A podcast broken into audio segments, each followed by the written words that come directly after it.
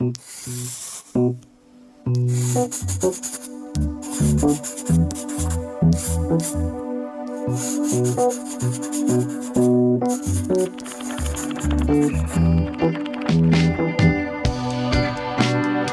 van harte welkom bij de Potloodcast. Ik ben Jelly Brouwer en in deze podcast duik ik in het leven en het brein van een illustrator. Dat doen we aan de hand van vijf beelden door de illustrator zelf uitgekozen. Wie is de persoon achter deze beelden? Een portret in geluid dus van iemand die in beelden denkt. Vandaag is dat Sarah Ju Zeebroek, Vlaamse kunstenaar, illustrator en muzikant. Ze werd opgeleid aan Sint-Lucas in Gent en studeerde ook twee jaar aan de Rietveld in Amsterdam. Net als haar broer Boris was haar eerste liefde de muziek. Ze had haar eigen band Hong Kong Dong. Maar toen werd het toch ook nog de beeldende kunst. En dan beginnen we altijd met de vraag van welk beeld uit je jeugd kun je achteraf zeggen dat die bepalend is geweest voor je bestaan als illustrator. En dan is het toch de muziek, Sarah Ju. Ja, combinatie van muziek en beeld eigenlijk. Ja. Beschrijf het beeld eens. Het is een album. Ja, het is het ehm, album van Snakefinger. Ik weet niet of de luisteraars uh, Snakefinger kennen. Leg mij even uit. Uh, ja, is een, ik denk dat het een duo is uh, uit de jaren tachtig, die ook wel verbonden waren met The Residents. Ik weet niet of je de, de Residents kennen. Ja, niemand kent The Residents, zo gezegd. Ze zijn mysterieus wie ze zijn, terwijl ongeveer toch wel veel mensen ondertussen weten wie ze zijn. Maar... Um... Snakefinger, Amerikaans, hè? Yes. Mm -hmm. Ja, Um, ik weet eigenlijk niet zo heel veel over hen. Nu over begint, ik ken vooral de muziek eigenlijk. Um, heel leuke, grappige teksten. Um, ja, en die plaat die, uh, die lag gewoon bij ons in de platenkast. Uh, en die was van mijn vader. En die legde die heel vaak op. En dat was wel, ja... Ik vond Luc Zeebroek, Kamagurka, ja, hebben inderdaad. we dat ook gemeld? ja, die was uh, helemaal... Ja, die was echt dol op die plaat. En ik vond de muziek ook heel goed, maar ik herinner me nog dat ik uh, vooral de cover eigenlijk ook uh, ontzettend intrigerend vond en uh, bezwerend eigenlijk, in, zeker in combinatie met de muziek. En Mark Bayer heeft de cover getekend. Uh, ik weet ook helemaal niks over Mark. Ja, ik weet er eigenlijk heel weinig over. Ik ken zijn werk wel, maar ik weet over zijn privéleven weet ik heel weinig. Dus ik weet niet eens of hij nog leeft of niet. Um, hij leeft nog wel. Ik ging even ja? kijken. Ja, hij leeft nog wel. Cartoonist en heeft uh, heel veel uh, strips, een beetje zwartgallige ja, strips. Heel zwart, ja, ja, maar heel, heel eigen vind ik. En heel, ja, een soort van ehm, donkerte die ik wel kan appreciëren of zo. Mhm. En ook uh, ja, een beetje de humor vind ik ook wel leuk om te. Het is, het is, het is gewoon. Maar even naar die kleine Sarah en naar ja, dat album. Okay. Want dit noem je echt als het beeld ja. waarvan je zegt dat uh, dat zette mij op dat spoor. Want wat ja. herinner je van die situatie, van die muziek? Hoe oud was je? Um, ik denk niet dat ik dat zo op dat moment echt bewust meemaakte om zo te zeggen van oké, vanaf nu wil ik dit gaan doen in mijn leven of zo. Maar ik denk achteraf beschouwd dat dat wel een heel belangrijk moment was omdat ik ja, de kracht van beeld en, en muziek samen, dat dat uh, heel sterk was.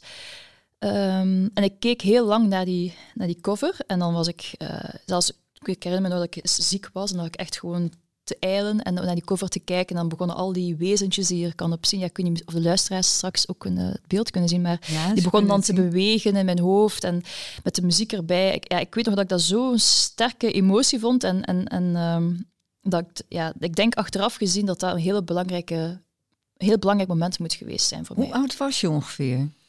Denk vijf of zo. Oh ja, zo jong. Ja, ja, ja. En, en de muziek stond op terwijl jij ziek was? Of ging je het zelf opzetten? Ja, we legden ook heel vaak muziek op vroeger. Ja. ja, mijn broer en ik waren eigenlijk wel al, ja, als we jong waren, heel snel dol op muziek en uh, zelf platen. Eigenlijk kon het ons bijna niet schelen wat er, als er maar muziek op lag. Oh, en ja? Dan, ja, maar we mochten ook niet springen, want dan ging de naald op en neer.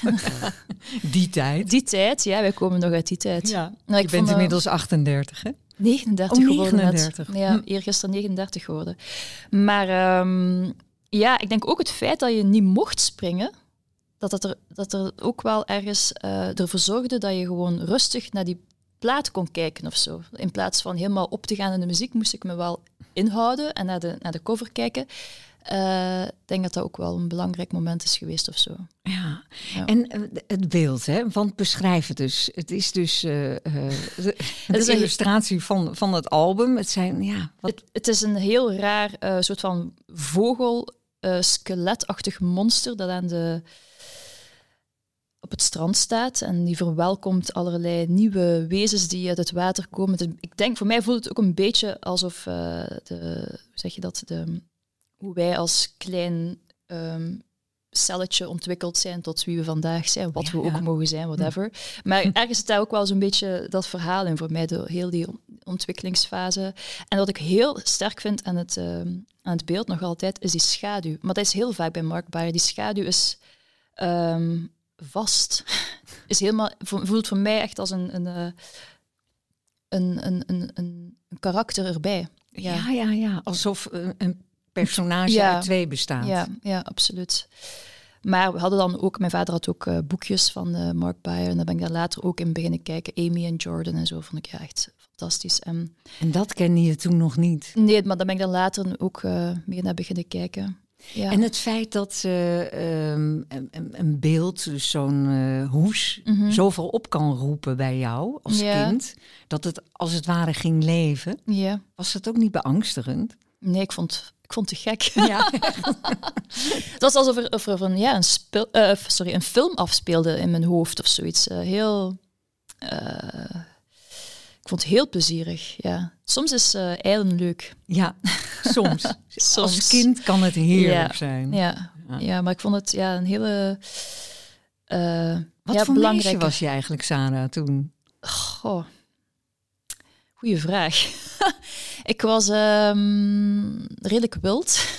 Wild. Vandaar dat het springen nogal belangrijk was, Ja. dat het niet kon. Ja, ik was wel redelijk wild, want achteraf, ik heb het zelf, ja, ik herinner me wel dat, dat mijn ouders vaak zeiden van je moet rustig zijn en nu niet en zo, maar dat ehm, vrienden van mijn ouders wel zeiden van, goh ja, als jij toekwam, dan moesten we alle spullen opzij zetten, want het was een soort van wervelwind die eh binnenraasde en binnen de vijf minuten had ik ook iets gebroken.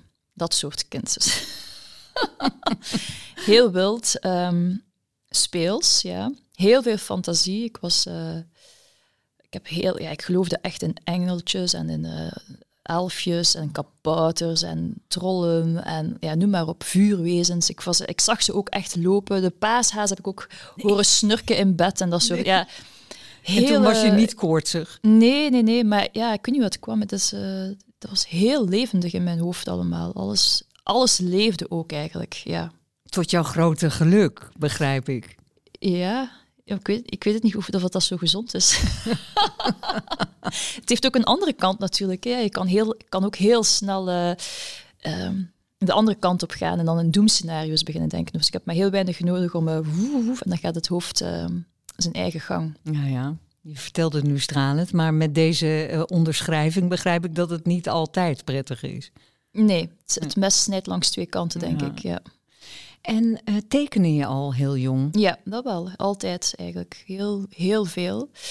Ehm, ja, ik ben ook naar de vrije school gegaan als kind In Gent. in Gent. En ja, daar moesten we heel veel tekenen sowieso. Alle schriften moesten geïllustreerd worden in feite. Ja, te gek. Dat was wel, vond ik wel heel leuk. Ehm, maar op een bepaald moment, ehm ja, zo op mijn puberteit, wou ik echt niet meer tekenen. Was ik het echt, eh, ja, ineens wou ik er niks meer mee te maken hebben. Dan was het voor mij gesloten. Dus ehm, En waar, wat, waar had dat mee te maken? Ja, ik denk als puber wil je je afzetten of zo. En mijn vader was altijd aan het tekenen. Mijn moeder tekende ook heel graag. hè. Oh ja? ja die, maar die deed het zo meer eh, avondschool. Of, die had eigenlijk nooit als kind ehm, de kans gehad om, om, om academie te doen of dat soort dingen. Mocht niet van thuis uit. Dus zij heeft eigenlijk Je moeder achteraf... kwam uit China, hè? Ja, zij, Gevlucht is ze, geloof ik. eh, ja, gevlucht. eh, haar ouders eigenlijk eh, uit Hongkong. En dan hebben ze eerst de kinderen thuis gelaten, in Hongkong gelaten. En dan is mama later naar België gekomen. Mhm. Eh, maar ze heeft daar zo geen herinneringen aan als vluchten of zo. Hm. Dus eh, Maar goed, zij tekende ook. Het was dus overal. ja, het was overal aanwezig. Ja. Ja. Maar ik ga het straks met de andere voorbeelden, zal je het ook nog horen. Het was altijd constant rondom ons. En ik denk, op een bepaald moment als je in je puberteit komt, dan wil je gewoon ja, je wil je afzetten tegenover je ouders en waar je vandaan komt. Dus toen wilde ik niet meer tekenen. Ja, was ik ook echt heel erg... Uh... En weet met mijn vader op een bepaald moment ook zeggen van... Ja, waarom teken je niet meer? Je deed dat zo graag, je deed het goed. Uh... En toen stond ik te schreeuwen en zei ik van... Ik ga nooit meer tekenen in mijn leven. Echt zo heel boos. Oh, daar heb je echt hele duidelijke herinneringen aan. Ja, ja, toch wel. Raar, hè? Ja. En, en hoe reageerde hij? Ja, hij zei niks. Verstandig ook, denk ik. Ja, ja. Hij wist ook wel Maar je ziet het dus echt als een afzet tegen hem en, en haar? Ja toch, ja, toch wel eigenlijk, denk ik, op dat moment. Maar ik kreeg ook wel andere interesses op, die, op dat moment. Begon ik ook meer en meer uh, ja, interesse te krijgen in gitaar spelen en dat soort dingen. Dus dat speelde misschien ook wel een beetje mee. Dat er een andere liefde was, die helemaal van jou alleen was. En ook van mijn broer, ja, we waren eigenlijk samen altijd aan het uh, spelen. Maar um, ik denk dat het vooral echt een soort van puberaal gedrag was. Ja. Niet meer willen tekenen. Achteraf beschouwd, dat hebben we toen natuurlijk nooit hardop tegen jou mogen zeggen. Nee, maar ik, misschien vonden mijn ouders ook wel heel goed. Dat is van, dat is gezond, je moet ook niet um, ja. uh, meegaan. Dus ja. Um, de volgende vraag is, je gaf het net al aan, een beeld uit je jeugd waarvan uh, je nu zegt, daar ben ik uh, door beïnvloed. Of het is van, even kijken, mhm. wat is ook alweer een illustratie die jou op het spoor zette van je keuze om als illustrator of kunstenaar door het leven te gaan. Ja. En dan zijn we wel gelijk in jouw puberteit beland trouwens, want ja. het is een beeld van Roland Topoor. Mm en dat hing op jouw kamer toen je een puber was. Ja. Hoe kwam het daar terecht? Beschrijf het de eerste even trouwens. Oeh, het is het profiel van een man. En zijn kin wordt ja, in elkaar ge getimmerd, zeg maar. Hij heeft een, een hamer die op zijn kin slaat. En die kin die zakt helemaal de aarde in. Ja, behoorlijk gruwelijk eigenlijk. Ja, maar ik vond het fantastisch. Ja, het ziet er prachtig uit. Ja, ik weet niet. Um, ja, dus op een bepaald moment ben ik wel beginnen tekenen. En um, um, dat heeft veel te maken met, met een ander verhaal, maar met Lucebert eigenlijk, die daar we straks ook op terugkomen. Maar, mhm. ehm, ja, die, ik, ik zag zijn werk en ik, dus ik had eerst gezegd ik wil nooit meer tekenen. En dan denk ik een jaar of anderhalf jaar later zag ik het werk van Lucebert en dat was zodanig bevrijdend voor mij. Dat gaf mij zoveel kracht en uh, ook uh, zin om te tekenen terug. Heel bizar.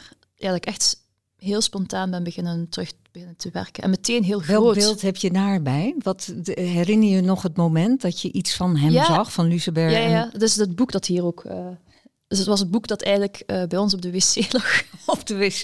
ja.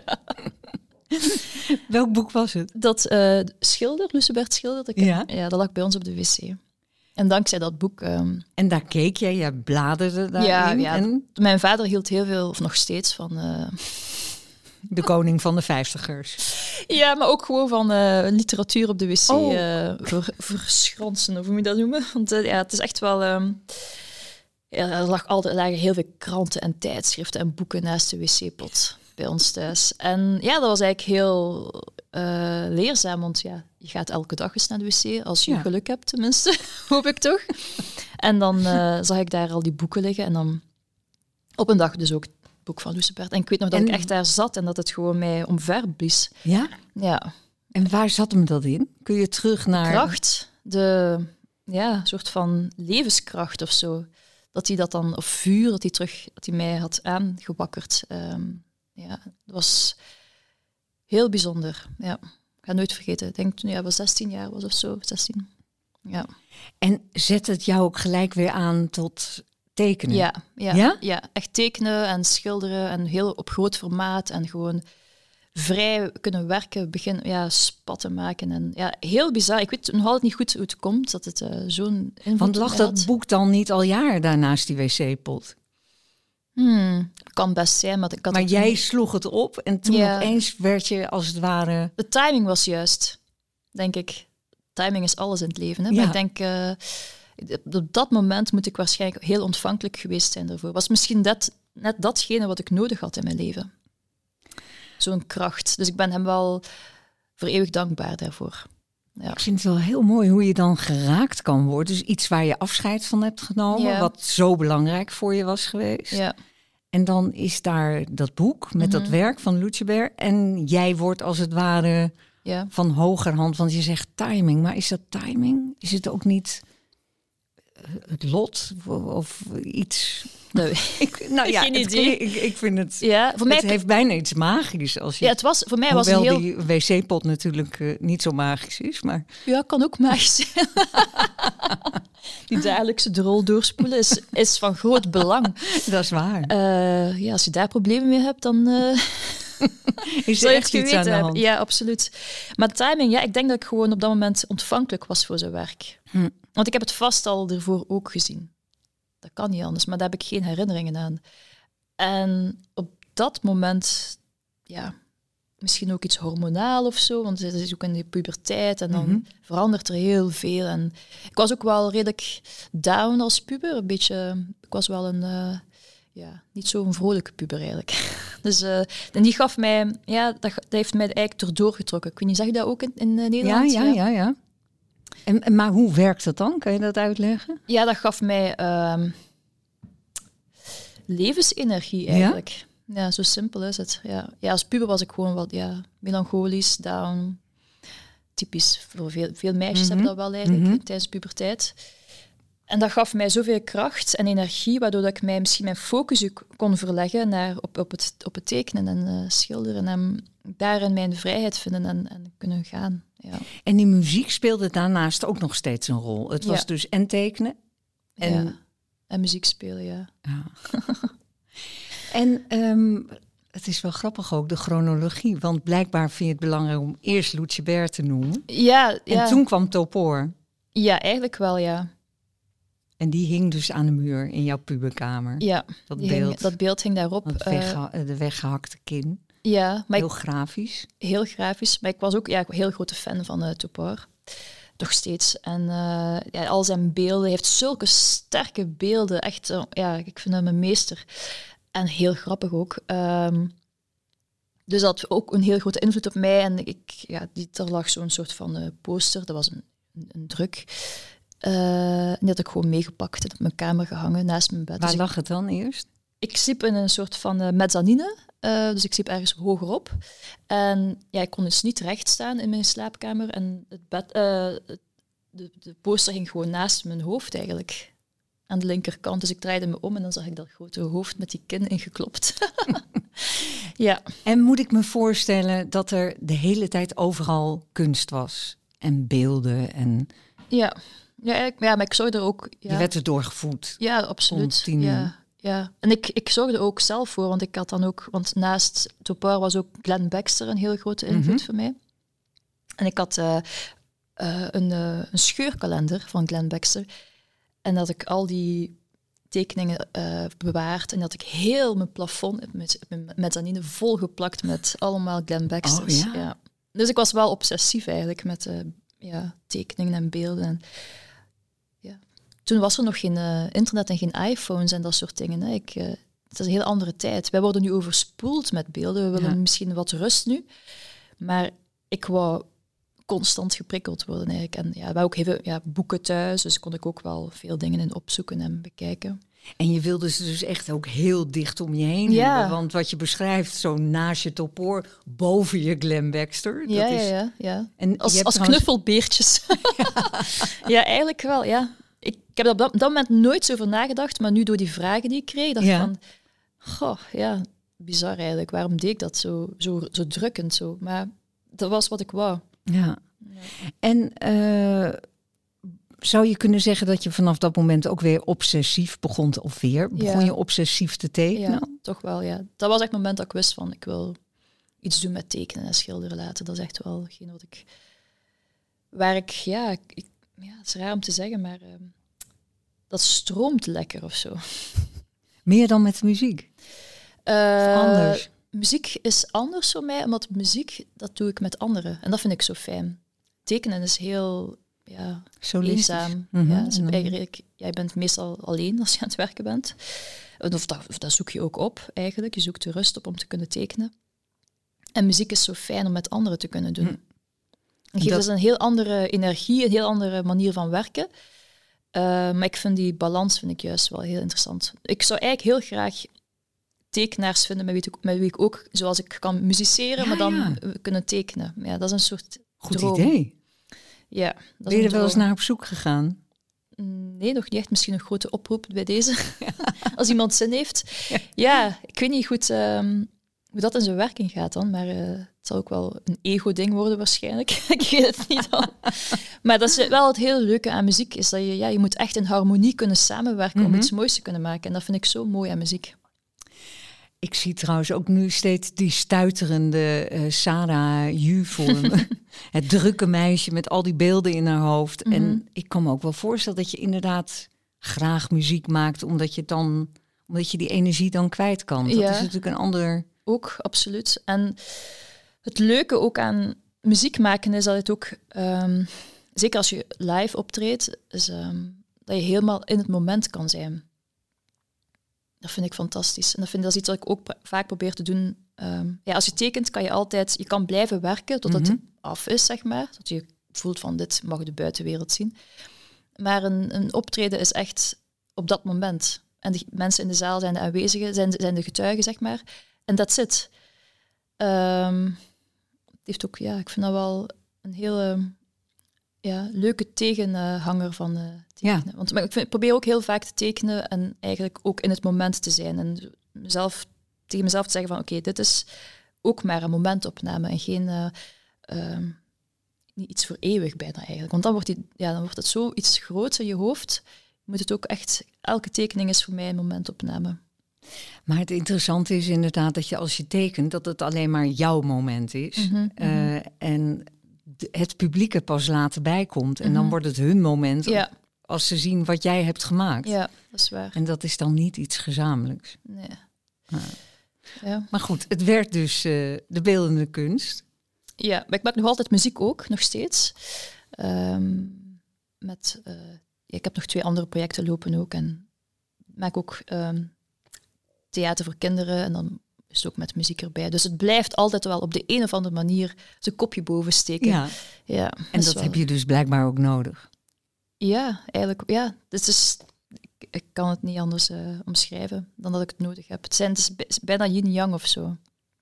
Ja. Ik denk ook dat ik eigenlijk uh, in het dagelijks leven meer met muziek bezig ben dan met of met muziek beluisteren dan met uh, dan, uh, het bekijken van boeken en, en, andere tekenaars en schilders. Eigenlijk. Ja, muziek is eigenlijk iets dat constant oplicht thuis. En heb je daar een verklaring voor? Waarom dat zo... Ja, mijn man ook.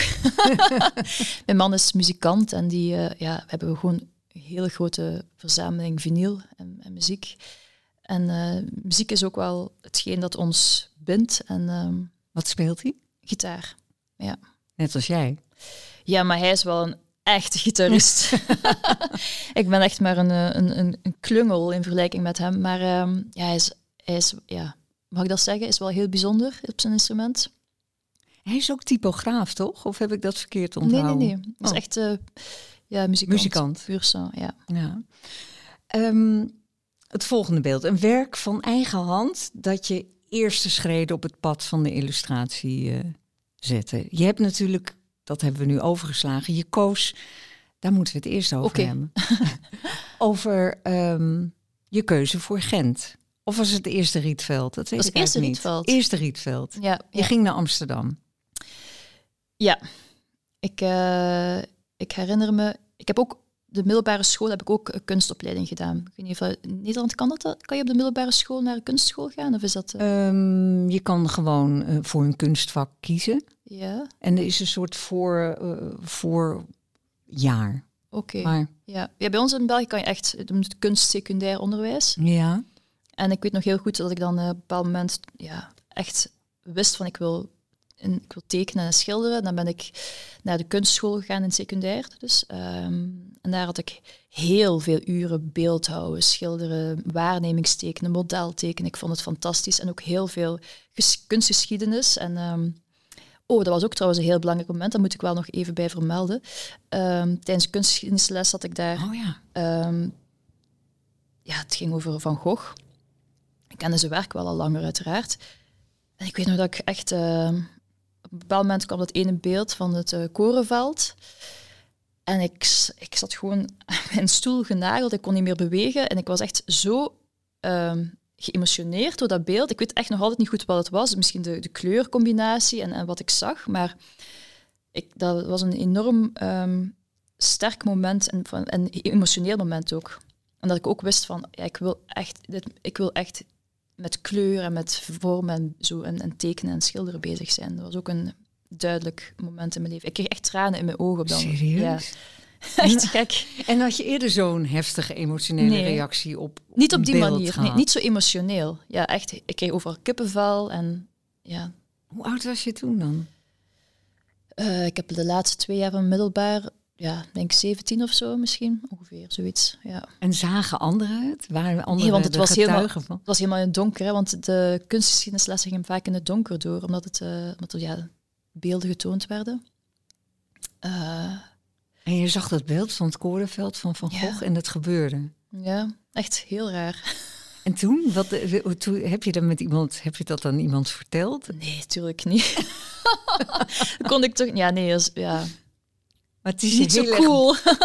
maar het is je heel erg bijgebleven, want je hebt niet voor niks dat beeld aangeleverd. Ja, nee, het is me heel erg bijgebleven. Ik ga het ook ik ga het nooit vergeten. Het was echt eh, bijna een beetje zoals eh, op, de, op, ja, op de pot. Zo, zo heel sterk. Bluesbij was meer ehm, een soort van schop onder mijn kont, zeg maar. Mhm.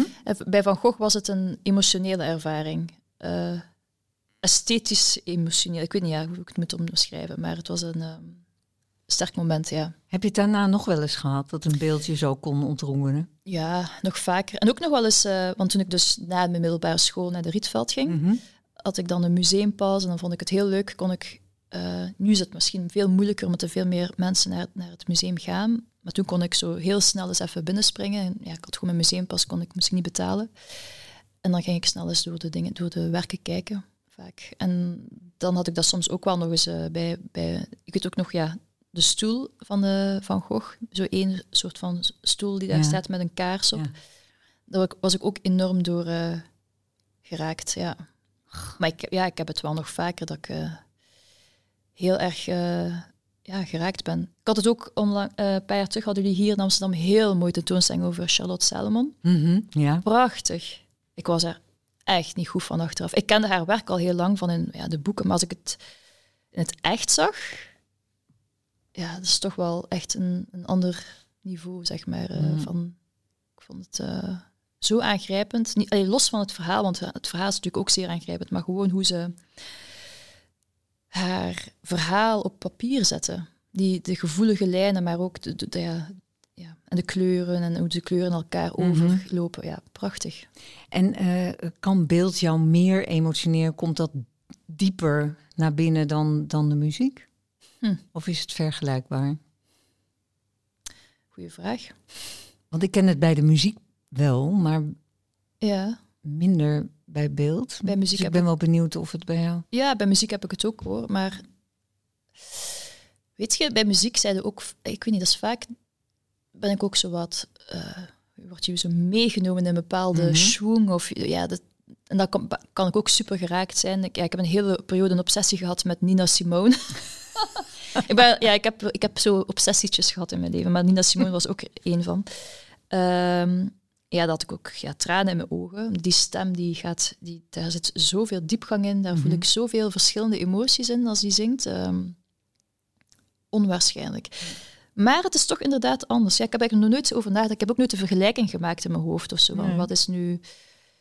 eh, Ik zou die vergelijking ook niet maken, maar omdat jij beide, Ja. het jouw beider liefdes zijn. Ja, maar misschien ook omdat het muziek voor de hand liggender is, dat het je emotioneel Ja. maakt of zo. En bij beelden, niet het- iedereen heeft dat Nee, gevoel al gehad en daar wordt nooit zo, niet zoveel over gesproken. Nee. Dat mij daarom wel enorm frappeerde als het mij overkwam of zo, denk Hm. ik. Ja. Je ging naar de Rietveld. Waarom eigenlijk naar de Rietveld? Geboren en getogen in Gent, waarom niet gelijk naar Sint-Lucas? Eh, omdat ik, ik wou weg uit Gent. ik wou gewoon, ja, ik wou, ik wou de wereld zien. Hm. Zo simpel is het. En ik was eens... eh, ik had eens een boekje gezien van de jongens van Laat Me Los. Die kennen jullie ook waarschijnlijk wel. Laat me los. Ja. Ik denk dat het een trio was, hè. Met, ja. Eh, en die had een heel leuk boekje gemaakt met vogels en zangzaad, als ik, me, als ik niet mis ben, geloof ik. En ze, mijn vader moest ook naar de Westergasfabriek en ik was toen meegegaan. Ik had die jongens daar ontmoet en die waren... Die zaten op de Rietveld of zo, dacht ik. Ja. Want die begonnen daarover en zeiden van leuke school. Of ja, dit is nu echt mijn herinnering, maar ofwel heb ik dat er zelf van gemaakt, maar dat ik wel al heel snel dacht van ik wil gaan naar de Rietveld gaan. Daar moet ik zijn. Ja, heel raar. Trouwens, even interessant, want je noemt je vader nu weer in een bijzinnetje. Maar Mhm. alle vragen die betrekking hebben op wie zette jou op eh, het pad van de illustratie, het kunstenaarschap. Je noemt iedereen behalve je vader. Ja, maar het zo evident is. Ja, dat snap ik. Ja, ja, hij is natuurlijk wel de, hoe zal ik zeggen, de, de force behind of zo. Mhm. Ja, hij heeft, heeft eigenlijk alles aangereikt. Ja. En ik heb het gewoon, ik heb zelf genomen. ja, en je er een tijdje tegen verzet totdat Ja, je Lucebert ontdekte Ja, en toen was en er geen ontkomen meer aan was. zoiets. Ja, eigenlijk, dat, ja, eigenlijk wel echt. Maar dankzij hem, tuurlijk, uiteraard. Ik heb het altijd gezien rondom mij. De boeken lagen daar, de tijdschriften. eh, ja. Nou ja, het zou je er ook van hebben kunnen weerhouden. hè? ja, nee, het is... eh, ik weet niet, ja, het is heel raar. Hè? Ik, ik, ik- misschien moet ik maar eens eh, meedoen aan een of ander onderzoek over nature-nurture debat. eh. ik ben er zeker van dat het beide is. Ja. Het is zeker beide. Ehm, maar natuurlijk is hij ook een grote invloed geweest op mij op alle vlakken. En ehm, ja.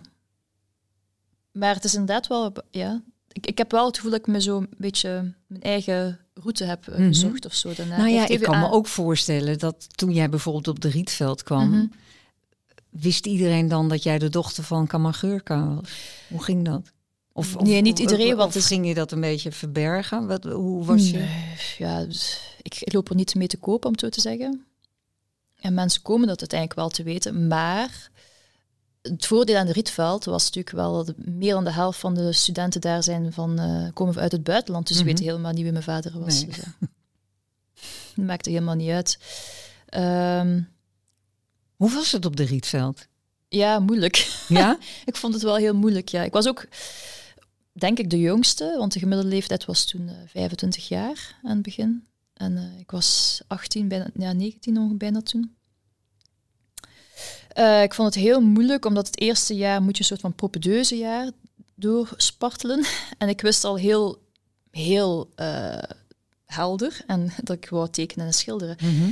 Maar ik moest al die andere vakken er ook bij doen. En dacht, oké, dat doe ik wel. We gaan, we gaan ervoor, we gaan hier doorgaan.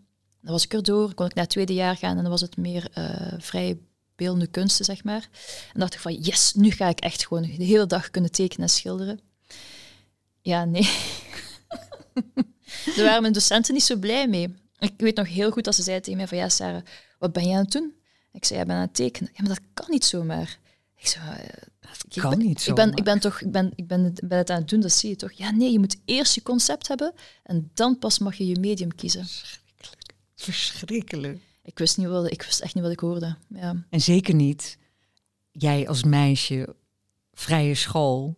Ja. Dat is zoiets anders, toch? Ja, ja, en ook, ik dacht van, waarom kan je iets tegen tekenen hebben of zo? Ja, dat is toch... Er was wel één docent erbij die later die wel eh, supportive was, om het zo te zeggen, die het wel heel fijn vond dat ik zo gretig was. Eh, maar de andere, ja, was, voelde veel eh, weerstand. Ja. Hmm. ja. En dan uiteindelijk werd ik... eh, ja, het was heel... Misschien is het nu ook allemaal veranderd. Hè. Ik denk dat de tijden ook wel anders zijn hoor nu. Toen was tekenen en schilderen een beetje niet zo in trek meer, zeg maar, niet zo hip. Nu is het wel weer anders. Hè. Tekenen en schilderen voel je toch wat veel meer eh, aan bod komt. En, Ehm, maar het weer, ja, ik was zo gedegoûteerd, nee, dat wij zeggen in Gent, van eh, die opmerking dat ik dacht, wel, weet je wat, dan is mijn concept dat ik gewoon alles ga voltekenen vanaf nu. En ik heb heel het atelier, dat was nog in de, het oude gebouw van de Rietveld. En dat werd dan het jaar erop afgebroken. Dus we mochten ook doen wat we wilden met het atelier. Had ik het helemaal wit geschilderd. Eh, de stoelen, de tafels, de kast, eh, de ramen had ik ook helemaal wit geverfd. Zodat echt alles er Spierwit? spierwit was. Zodat ik kon, kon beginnen met zwarte inkt beginnen tekenen op alles wat ik tegenkwam. Nee. Ja. En dan heb ik gewoon echt nog een half jaar heel, heel het atelier vol geschilderd. En uiteindelijk, ja, ook, ja, ik had dan ook een performance gedaan en mezelf ook beschilderd en zo. En Oh. ja, ik wou gewoon... Het, maar de Hoe reactie, erop gereageerd? ja, de reactie was zo kil, naar mijn gevoel, eh, dat ik echt tegen, dat ik zodanig er tegenin wou gaan door het zo fysiek te maken ook, dat, dat het echt ook niet meer kon ontlopen, die tekeningen. Dat het, omdat, zo, omdat ik het zo graag wilde doen. En ehm, eerst, ja, de eerste, zeg je dat, tussentijds ehm, evaluatie was niet zo goed, omdat ik ook niet wou praten over mijn werk. had ik zo'n snor en een, een dichte, dicht mondje op mijn mond geplakt. Nee. En stond ik er gewoon, ik zei, ik ga niks zeggen. En dan waren ze ook boos, maar ja, dat kan je niet maken. Je moet je werk kunnen verdedigen. Ik dacht van... Maar op het einde van, de ja van het jaar waren ze wel heel enthousiast. En dan kreeg ik... dan zei ze... Jij, eh, ja, kreeg ik applaus omdat ik eh, mijn, mijn been had stijf gehouden. En toen ben je vertrokken, want je hebt het niet afgemaakt, toch? Nee, toen dacht ik, nu ben ik weg. Oh ja, echt? Ja, ik dacht... pff, dit heb Het ik is echt wel een heel stoer verhaal. Ja, ik weet niet. Ik, ik was daar echt boos om. Ik was echt pist gewoon. Ja, dat was wel de reactie die eruit kwam. En dan ging ik terug... Terwijl je nog hartstikke jong was. Ja. Ja. Maar dus heel duidelijk wist wat je, wat je wou. Ja. Dan, ja. Dus ik, ik wou ook heel graag technieken leren, zoals zeefdrukken, eh, lino, ehm, etsen en dat soort dingen. En dat kon ik daar niet echt krijgen. En, ehm, ja, maar is ook beter een school waar je naartoe gaat als je al een studie achter de rug hebt. Zei ze vergoeilijkend. Ja, maar dat, was, dat, was me ook, dat wist ik ook op voorhand, want toen ik ingangsexamen deed, zeiden ze ook van, jij bent wel heel jong. Eh, maar ik was er dan door en ik Maar talent is zo groot. geen, ja, ik weet niet wat het was. Ik denk als ze, ik denk als ze gewoon zagen dat ik heel veel zin had, goesting had, Ja. om, eh, dat ik daarom aange- aangenomen was. Ehm, maar ik, vind, ik ben ook helemaal niet rouwig om die beslissing, want ik ben heel blij dat ik die twee jaar hier in Amsterdam ben geweest. Ik ben Mhm. ook heel eh, ja, ik volwassen geworden. Hè. En je heel krachtig hebt kunnen tonen. Eh, ja, ik weet het niet. Ik, pff, het Toen ging je naar, terug naar huis. Ja, want toevallig is er een hele goede illustratieopleiding in Gent. Aan de Sint-Lucas. Ja. En, En dat ehm, werd het. Ja, dat was heel fijn, omdat ik daar... Ik moest daar heel veel tekenen en schilderen. En dat was gewoon, dat vond ik superleuk. Daar vond ik dan ook wel weer lastig dat het echt... Ja, natuurlijk, het is een illustratieopleiding, dus het gaat om, om het, het gaat om illustreren. Ehm, maar ze waren wel heel ondersteunend, en, ondersteunend naar mij toe. En eh, het onderzoeken naar autonome beelden ook. Dus dat was heel fijn. En toen, na de academie, ik vroeg om een eerste beeld. Ja. En dat werd eh NRC Handelsblad. Ja. Je eerste en ook voorlopig Laatste. je laatste. Wat dat Dus dan ja, weer is, dat geen idee. Ja, geen idee. Ik was ook te verlegen om eigenlijk nog eh, contact op te nemen achteraf. Raar, hè? Ja. Maar Want eh, eh, wat, eh, een beeld van Erasmus. Wat was Eh, de Spinoza? Eh, eh, Spinoza. sorry. ja, het was gewoon, het was, het was, het ging, geen probleem. Het was eh, echt een artikel over Spinoza en ja, Ja. dat was gewoon, vroegen een, een, een illustratie, een, een, een portret van hem en dan heb ik die gemaakt. En hoe kwamen ze bij jou terecht? Hoe ging dat? Ik weet niet meer, maar ja. Of ik had, ik had aangeschreven, dat was het, ja. Maar dat is daar ook bij gebleven, ja. Maar ik weet ook niet eh, wat er... Ja, jammer, hè? Nou, ik ik, ben weet het nog- niet. Het is maar net hoe belangrijk is ja. NRC Handelsblad voor je? ja, hoe belangrijk. Ik vond het wel heel belangrijk. Ik vond het wel heel eh, fijn om dat te kunnen doen. Om, om, ehm, of om voor het eerst na mijn schooltijd zeg maar, Ja. iets te kunnen publiceren. Maar het grappige is wel dat die tekening heel vaak, of regelmatig toch wel nog eens eh, eh, naar boven kwam. Omdat er mensen waren die zeiden van, oh, ik heb je, je portret gevonden van Spinoza. Kan ik het gebruiken voor een of ander ja, eh, boekje of eh, z- ook, eens een tentoonstelling waar ze allerlei portretten van Spinoza hadden opgehangen. Dan ging die er ook bij. Er was ook eens een rabbijn uit Amerika die mij had gemaild en die zei van... eh, ja, hij was heel erg bezig met Spinoza en die vond het een fantastisch portret. En, ja, dus eigenlijk, ja, dat vind ik, het, vind ik ook super belangrijk dat het nog een leven heeft eigenlijk. Maar ook heel curieus moet het zijn. Een rare ervaring dat je eh, net van die academie bent, die opdracht krijgt. Mhm. Je levert het in, het wordt gepubliceerd.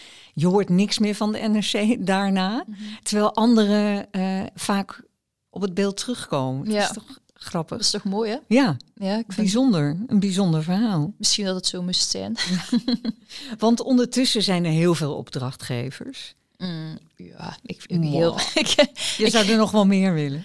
Eh, maar niks, ja, dat is gewoon. Ik heb al heel veel gedaan, maar er is, het is heel, eh, niks is standvastig hè, deze tijd. Dat is het beetje. Het is, eh, maar ik heb het geluk dat ik eh, veel verschillende dingen doe. Ja. En denk, dat maakt dat ik eh, altijd kan blijven doorgaan. Want wie, wat voor soort opdrachten krijg je? Zit daar een bepaalde lijn in of is het heel divers? Ehm, ja, het is wel heel divers eigenlijk. Ehm, het kan publicatie zijn, maar het kan dan ook bijvoorbeeld, ehm, eh, hoe zeg je dat, uh, pedagogische uh, beeldmateriaal zijn voor bepaalde workshops die gegeven worden in culturele centra. En daar hebben er mhm. soms ook tekeningen bij nodig of figuurtjes die je moet bedenken. Of het kan ook gaan over um, een theatervoorstelling bijvoorbeeld voor kinderen. En dan maak ik het decor. Of, uh, ja, het kan in allerlei richtingen gaan ja, eigenlijk. Het theater is inderdaad een, een, een muziek, speelt muziek, ook nog altijd een rol. Ja. Um, een autonoom beeld en een toegepast beeld. Uh, eigenlijk lijken ze op elkaar. Mm -hmm. Ik bedoel, het is duidelijk Sarah Juzeebroek. Okay, in beide gevallen. Uh, wil je het autonome beeld beschrijven? Wat zien we daar? Um, ja, dat is een reeks die ik gemaakt heb. Het zijn vrij grote werken. Um, uh, en eigenlijk, uh, dus mijn mama is overleden uh, 14 jaar geleden. En in het huis heb ik um, in een of andere lade vond ik oud Chinees offerpapier terug. Dat is, offerpapier is iets wat ze in het oosten wel vaker gebruiken om ze verbranden dat dan. Dat is een soort van ritueel.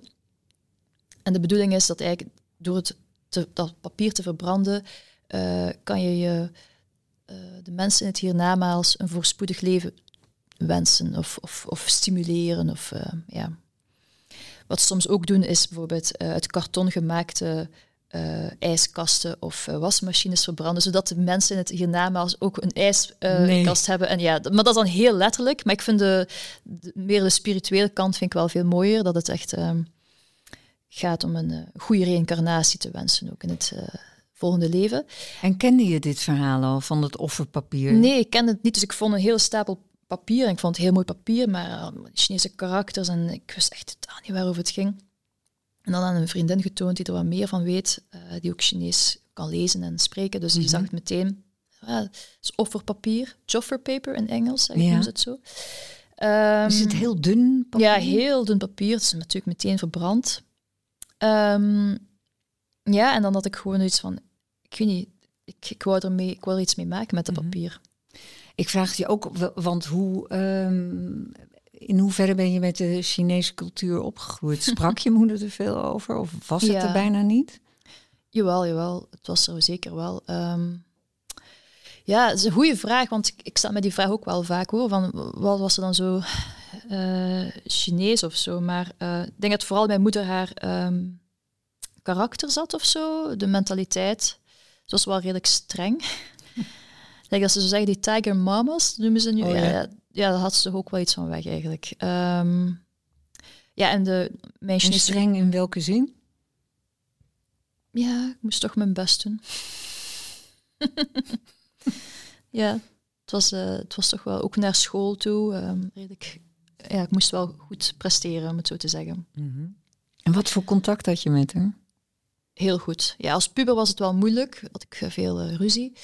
Uh, maar eigenlijk, ja, ook omdat we, ook omdat we wel close waren, denk ik net. Um, ben je en, de oudste eigenlijk? Ja, ik ben de oudste. ja, maar ik had altijd een heel goed contact met haar. Ja. Ik kon heel goed praten. Um, en zij heeft ook een gigantische weg afgelegd al ja, heel haar leven. Ik vind het altijd zo jammer dat ze eigenlijk het moment dat ja, mijn broer en ik eigenlijk klaar waren met studeren en, en de wereld introkken, zeg maar. Op dat moment is ze gestorven. En ja, dat vind ik nog altijd zo wrang, omdat ik dan denk van ja, ze kon eigenlijk op dat moment haar vleugels uitslaan en is los van, van moeder zijn, mm -hmm. haar weggaan. En van jullie genieten. En van ons genieten misschien Van jullie ook. successen. of ja, of niet. ik weet niet, grapje. um, maar... Uh, Want ze was ja. heel erg betrokken. met jullie ja, betrokken. En natuurlijk, ja een moeder die. Um... Ja, ja, absoluut, absoluut. En dat vind ik zo unfair eigenlijk dat het gebeurd is. Mhm. Mm -hmm. Naar haar toe vind ik denk, ja, los van mijn verdriet natuurlijk, dat ik die ook heel erg mis. En, Hoe oud was je? Uh, 24. Heel jong. Dus. Ja. ja. En het was totaal onverwacht, geloof ik. Hè? Ja, een fietsongeluk. heel dom. Over het lot gesproken. Ja, absoluut. Heel dom ongeluk. Wat Eh, is er gebeurd? Of wil je het daar helemaal niet over hebben? Ja, het was gewoon een heel stom ongeluk. Gewoon een, een motorrijder die heel, niet eens rap reed, maar gewoon haar voorwiel meenam. Waardoor zij op haar zij viel, op haar hoofd. En ja, ja, je moet altijd een helm dragen op de fiets, zeggen ze dan. ik doe het zelf ook niet hoor, maar ja. Dus het is wel een feit. Had ze een helm opgehad, dan was ze wel, dan was ze, had ze misschien een hersenschudding gehad of helemaal niks zelfs. Hm. Mhm. Wat een eh, veel te grote gebeurtenis eigenlijk in, eh, voor iemand van 24. Ja, dat is wel. Dus ehm, het gevoel alsof dat eigenlijk ja, niks nog ehm, eh, of ja, heel weinig vertrouwen kan hebben in het leven. Dat was eigenlijk het ding. Want daarvoor ging ik maar. Ik ging maar, ja, ik had eigenlijk heel veel vertrouwen. Ik denk ook dat het ja, bij een jong iemand hoort. Mhm. Als je jong en jeugdig bent, dan ben je, heb je heel veel vertrouwen in het leven, want dat heb je ook nodig om, om, om, om dingen te kunnen doen. En, en ja, toen op dat moment voelde ik echt van dat de grond onder mijn voeten wegzakte. En ja, het was wel een hele lange, donkere periode voor mij, Ja. achteraf. Ja. En hoe zag je, zat je toen nog op de academie? Hoe Nee, zag was je net leven er klaar. toen? Je was net klaar. Ja, ja, ja. Een jaar, ja, ongeveer Dus je had eh, Spinoza al gemaakt. Ja, denk het wel, ja. ja. Ja, ik moet ook zeggen, het is heel gek, maar heel die periode is eigenlijk een beetje wazig voor mij.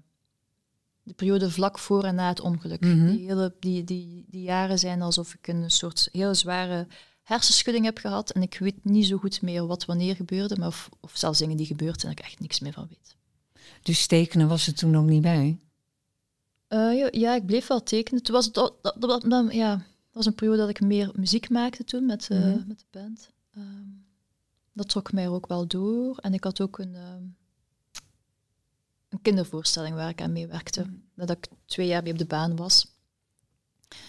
Met muziek ook. Ehm, ja, dat trok er mij wel door. Hmm. Het was gewoon een, heel, ja, was een hele moeilijke periode. Ja. En wanneer vond je dat offerpapier? Was dat Jaren later. Of echt veel later? Vele jaren later. ehm, ja, ik denk eh, drie jaar terug nog maar. Oh, echt? Ja. Ja.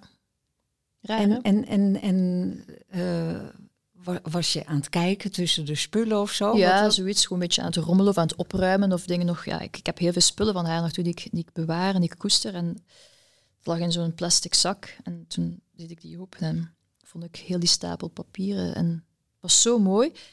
Ik dacht, ik wil daar iets mee doen. Dus ik beschouw ook heel die reeks die ik gemaakt heb met, die, met het offerpapier als een soort ode aan mijn moeder. Of ook een soort van wisselwerking eigenlijk. Omdat het ja, bijna alsof zij het hiernamaals mij ook beïnvloed heeft om, om deze werken te maken. Zo in mijn hoofd maak ik da- daar soort, dat soort verhalen van. Ja. Ja. Dat hebben mensen nodig, toch? Verhalen. Om, om jezelf te troosten. Of... We hebben allemaal verhalen Ja. nodig. Ja. En eh, wat ben je erop gaan tekenen? Hoe lang heeft het geduurd? De, de vondst van het offerpapier en toen eh, dat je er wat mee ging doen. Was het al vrij snel? Vrij snel, ja. Ja? Want ik had ook een, een tentoonstelling in Gent waar ik aan moest werken. En dan, ja, dan zag ik meteen, ik kwam al nieuwe werken maken en dan ging het heel snel. dacht ik van, kijk, dit ga ik, dit ga ik doen. Het papier ga ik gebruiken als basis. Van wat ik hierop zie, ga ik gebruiken als basis om te, om te beginnen. En dan, dan zien we wel. Ik vind het heel fijn om te, om te werken zonder te weten wat ik aan het doen ben. Dat vind Oh ik ja? het allerleukste, ja. Jezelf te verrassen? Of, of ja, absoluut. Anders heb ik er niks aan. Ik eh, iets in mijn hoofd bedenken en dat dan zo na dat dan op papier zetten, vind ik saai. En, wa- en wat voor. eh, waar moet je in zitten? Want dan klinkt het alsof het een soort trip is waar je, waar je instapt. Mhm. of, of, Ja, een soort van focus. ja. En je helemaal overgeven, in dit geval aan het offerpapier. Ja, Of aan. maar ik heb, ja, het hoeft niet per se met offerpapier, kan ook ja, gewoon normaal papier Ja, zijn. in dit geval bedoel Ja, in dit dan. geval. Mhm. Ja, gewoon. Ik, ik eh, maakte dan spatten en dan begon ik... Die gaven me inspiratie tot het zetten van bepaalde lijnen of vlakken. En ja, het is echt een opbouwwerk. Totdat je, je blijft opbouwen en dingen wegnemen tot je iets hebt waarvan dat je, waar je blij mee bent. Het beeld dat je hebt aangeleverd, dus Mhm. eh, dat offerpapier, en het heet Nevelnachtstaren. Zo'n mooie titel. Dank je. ja, ik- Maar de titels komen altijd achteraf, hè. Dus, uh, oh ja? Nadat het beeld er is? Oh ja, ja. Ik vind titels geven heel moeilijk, maar uh, het komt altijd achteraf. Ik heb nooit op voorhand een, een titel, eigenlijk. En, en, en wat verbeeldt dit voor jou? Nevelnacht staan. Het is een beetje de fantasie ook van als je in de, in, naar de hemel kijkt en ja, als, zeker als je ergens zijt waar dat, uh, dat er nog niet veel lichtpollutie is, dan zie je mhm. echt veel meer sterren en uh, nevels. En dat, ik weet niet, dat, ik vind dat zo een ongelooflijk gevoel van, uh, ja, het is een cliché natuurlijk, hè, maar dat wij zo klein zijn ten opzichte van dat mhm. er zoveel meer is. Het is gewoon fantasie eigenlijk, hoe, de, ja, hoe ik kijk naar boven en hoe, hoe boven naar mij kijkt. de sterren terugkijken ja. ook een beetje eigenlijk, ja. Ja. Mhm. Want ook dat is van belang. Ja. Dat er teruggekeken wordt. Ja, we zijn, ik denk, we zijn allemaal verbonden met elkaar of zo, met, het, uh, met alles. En uh, ja, zo voelt het wel. Hoe tekende jouw moeder eigenlijk? Mijn moeder tekende heel graag planten. Oh ja? en, uh, en mensen, zo portretten en dat soort dingen. Dat een hele mooie, gevoelige lijn. Ja. Maar ze was zelf heel kritisch voor haar werk. Ze was, ze was nooit blij. Het was een uh, struggle. Oh ja? Ja. Ze vond het zelf nooit goed genoeg. Ze vond het godverdomme moeilijk, zei ze altijd. godverdomme, het perspectief is toch moeilijk. Ja, het is ook heel moeilijk als je het echt heel goed wilt doen. Mhm. Want ze ging naar de avondschool en dan moet je echt ehm, ja, heel realistisch kunnen tekenen en mhm. zo. Dat heb ik ook gedaan op de secundaire en middelbare school, in de opleiding. Ik vond het superleuk om te doen. Ik vond het echt... Ik zou het eigenlijk graag nog eens opnieuw willen doen. Gewoon zo, gewoon studies maken, de hele dag. Dat is leuk. Ja, ja, dus zij was veel kritischer op zichzelf, terwijl jij je eraan kon overgeven. Hm, ja, misschien wel. Ja. Geen idee. Werk in opdracht ja. is natuurlijk van een heel andere orde, maar ik zie wel dezelfde Sarah Ju. Ja, is dat maar ik heb dat werk gekozen ook omdat ik het gevoel heb dat ik daar ook vrij was. En, en dat is wel nog iets waar ik zelf mee vecht. Als ik een mhm. opdracht krijg, een illustratieopdracht, dan denk ik inderdaad veel meer in woorden en in thema's. En dan probeer ik dat zo goed mogelijk te verbeelden eigenlijk. Aha. Mijn idee op papier te zetten. Um, en ja, dat is, ik vind dat iets minder, ik vind dat iets minder vrij gevoel geven dan, dan als ik echt gewoon kan beginnen gaan en niet weten waar ik uitkom. Maar bij deze opdracht had ik echt het gevoel dat ik toch kon ehm, het thema waar de, de, voorstelling over gaat, van de, de voorstelling van Stefanie Klaas, van Lucinda Ra. Ehm, het gaat over een. Uh, ja, er worden geen woorden gebruikt in de voorstelling, het zijn allemaal poppetjes. En ze, het gaat over een, baby die uh, in de vondelingenschuif wordt gevonden. Mhm. ja, het gaat over, over die baby. Mia Kermis heet de voorstelling. Ja. En ik had eerst een beeld gemaakt, maar ik was er ook zelf niet zo tevreden van. En zei ook van ja, misschien toch. En toen dacht van weet je, echt gewoon. Ik voelde, dat is ook het fijne. Soms voel je dat bij iemand en ik voelde van ik mag echt gewoon losgaan. En, uh, en dat is wat je natuurlijk nastreeft, wat je wilt. Ja, ja, ik vind het wel fijn. Dat, dat was een, daarom vind ik het een hele geslaagde. Juist omdat je eigenlijk vrij werk hebt. Ja, omdat het de combinatie is van de twee. Ja, dat ik die twee daarin kan vinden. Mhm. ja, ik vond het heel fijn om die te maken, die poster. Dus, uh, maar het, is, het blijft een gevecht. Uh, hey, tekeningen maken in opdracht en, en, gewoon puur vrij te kunnen werken. Dus ik vind het wel. Ja. Als je de keuze zou hebben, uh, stel dat financiële gedoe helemaal mhm. niet van belang zou zijn, zou je dan alsmaar vrij werk maken? Zou dat dan je voorkeur hebben? Of vind je het ook wel fijn om af en toe... Nee, ik vind het heel fijn om te illustreren. Want ja, ja omdat het ook uh, mijn gedachten op een ander spoor zet. Geef daar eens een voorbeeld van. Ja, er zijn dingen waar ik misschien over zeg maar, financiële, economische toestanden of zoiets, heel, iets waar ik me helemaal niet wil verdiepen. Maar um, ja, omdat je dan een opdracht daarover krijgt of zo, moet je daar toch wel even mee aan de slag. En mm ja, dat zou ik uit mezelf niet doen, denk ik. Denk ik. Dus in dat opzicht, ja, dat, ik vind het ook gewoon, het, het is een verrijking eigenlijk. Het is, um, het is een andere deur die op. Ja, ik, het maakt je wijzer of. Ja, ik, het is een andere deur die open gaat in mijn hoofd, denk ik. Ik herinner me trouwens opeens dat je eh, bij de illustratiebiennale Ja. was het dat je zei dat je zo'n hekel, waarom hebben we eigenlijk kleren aan? Dat je het liefst de kleren weglaat. Ja, dat je zo'n liefhebber bent van het tekenen van piemels. ook. Herinner ik me En dat borsten. goed? En borsten. Ja, borsten. Eigenlijk het met menselijk lichaam en zo. Ja, ik vind het fantastisch.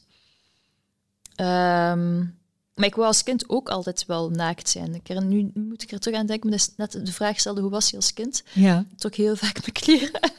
Oh ja, waar je ook was. Ja, zo erg, niet, nog niet zo op straat of zo, maar echt thuis, ja. Ja, ik, ik weet niet, ik wou wild vrij zijn, ja. Een beetje dat gevoel, denk ik. Ja. Gek, hè? Nou, ik weet niet of het gek is. Ik- ik Eh. kan me het gevoel van vrijheid heel goed. Want ja, wat voor gevoel gaf het je? Ja, vrijheid. En ik vind nog altijd eh, naakt zwemmen vind ik nog altijd ongelooflijk bevrijdend. vind ik zo'n heerlijk gevoel. Maar ik, ik ben helemaal geen eh, naturist Nudist? of zo. Of nudist, nee, nee, helemaal niet. Ehm, maar af en toe, als er, als er niemand anders op het strand is, dan ehm, durf ik mijn, mijn broekje wel Je uit te doen. zwemkledij uit Ja, te doen. dan zit ik, dat ik op mijn hoofd.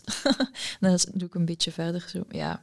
En het tekenen van het menselijke fysiek, of dan Ja. vooral bor- eigenlijk geslachtsdelen. Heeft dat dan je voorkeur? Mm, Of nee, klinkt geen- het nu- nee, arme benen, maar ik, eh, omdat veel mensen zeggen, ja, piemels zijn toch vies of eh, wil je toch niet tekenen of zo. En ik, vond- ik vond het juist altijd heel leuk, ik vond het een heel dankbare vorm om mee, eh, om mee te werken. En borsten Ja, eigenlijk ook. teken je ze ook wel een beetje als ze er niet zijn. Ja, ja. Ja, ik vond het ook heel- altijd heel leuk op school om eh, modeltekenen te doen. Dat waren dan een naaktmodel en dan ja, vond ik fantastisch. Ik vind, ik denk ook dat het komt omdat kledij vaak eh, een beetje de, weergeeft in welke tijd dat we leven. Mhm. En dat vind ik misschien lastiger aan. Dat ik het niet zo tof vind om. eh, ik van ja, dat zie je ook, ik weet niet. Misschien dat ik, dat, dat mij afknapt of zo. Dat je liever ziet zoals het is. Helemaal kaal, zonder dat je allerlei referenties hebt aan... eh, Ja, misschien wel. Raar. Ik weet, ik weet eigenlijk ook niet goed waarom ik het doe. Ik weet heel veel dingen niet waar, die, die ik doe, waarom ik ze doe.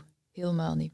En is dat zo interessant? Ja, nee, precies. Ja, ik denk als ik te veel, te veel zou weten, dan zou ik het misschien... Ja, ja, je moet niet te veel analyseren. Soms Nee. zijn de dingen ook gewoon...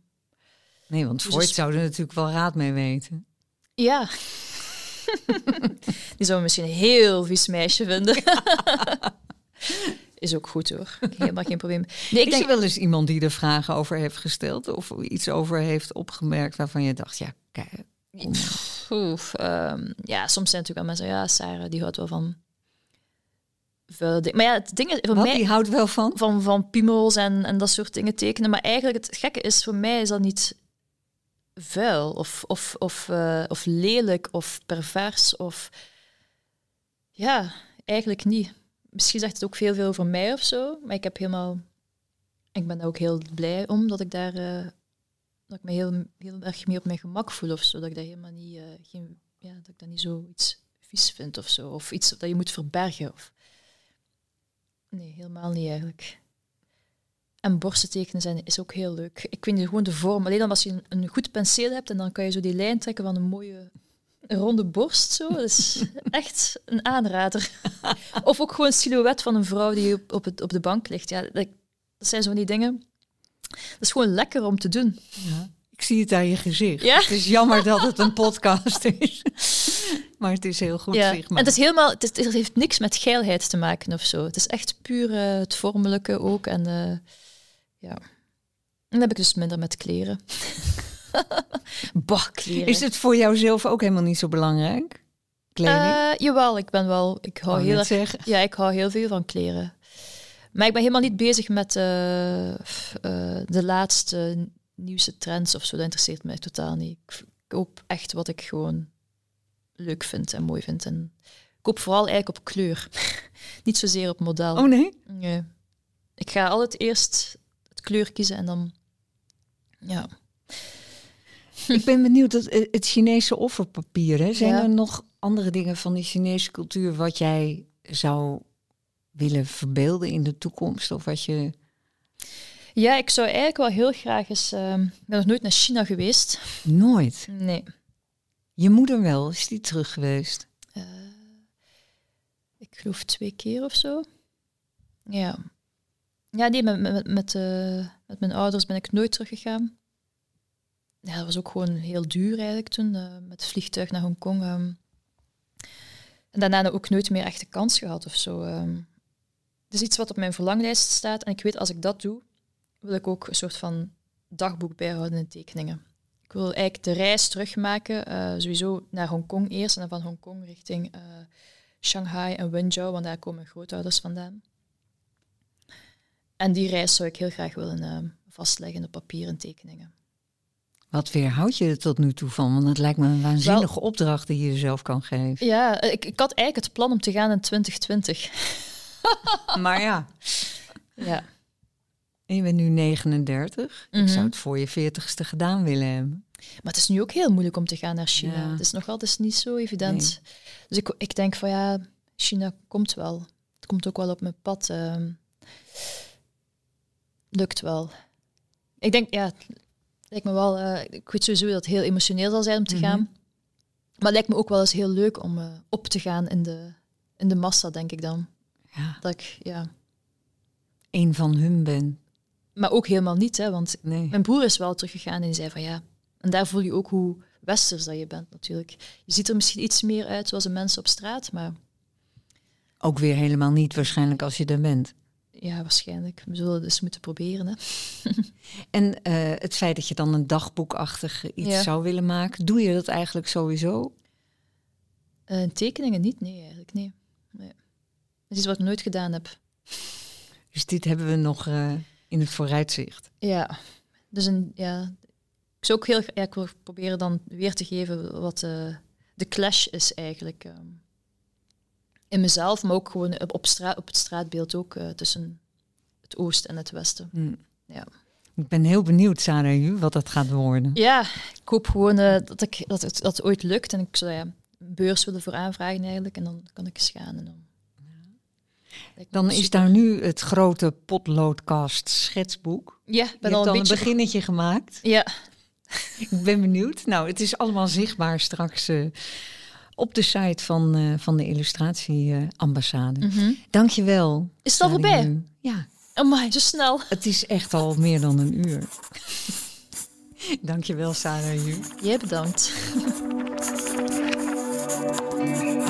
Op de site van de illustratieambassade zijn de besproken beelden te bekijken en dus ook de illustratie die Sarah Ju heeft achtergelaten in het grote potloodkast schetsboek. De is een initiatief van de illustratieambassade, het platform voor illustratie, en wordt mogelijk gemaakt door steun van de Fiep Westendorp Foundation, Pictorite en het Stimuleringsfonds voor de creatieve industrie. Als je enthousiast bent, laat het weten in je podcast-app of vertel het door aan anderen. Presentatie Jelly Brouwer, redactie en samenstelling Marlies Visser, techniek Maarten Boers. Schrijf je in voor de nieuwsbrief of abonneer je op de podcast en we laten je weten wanneer er nieuwe afleveringen zijn.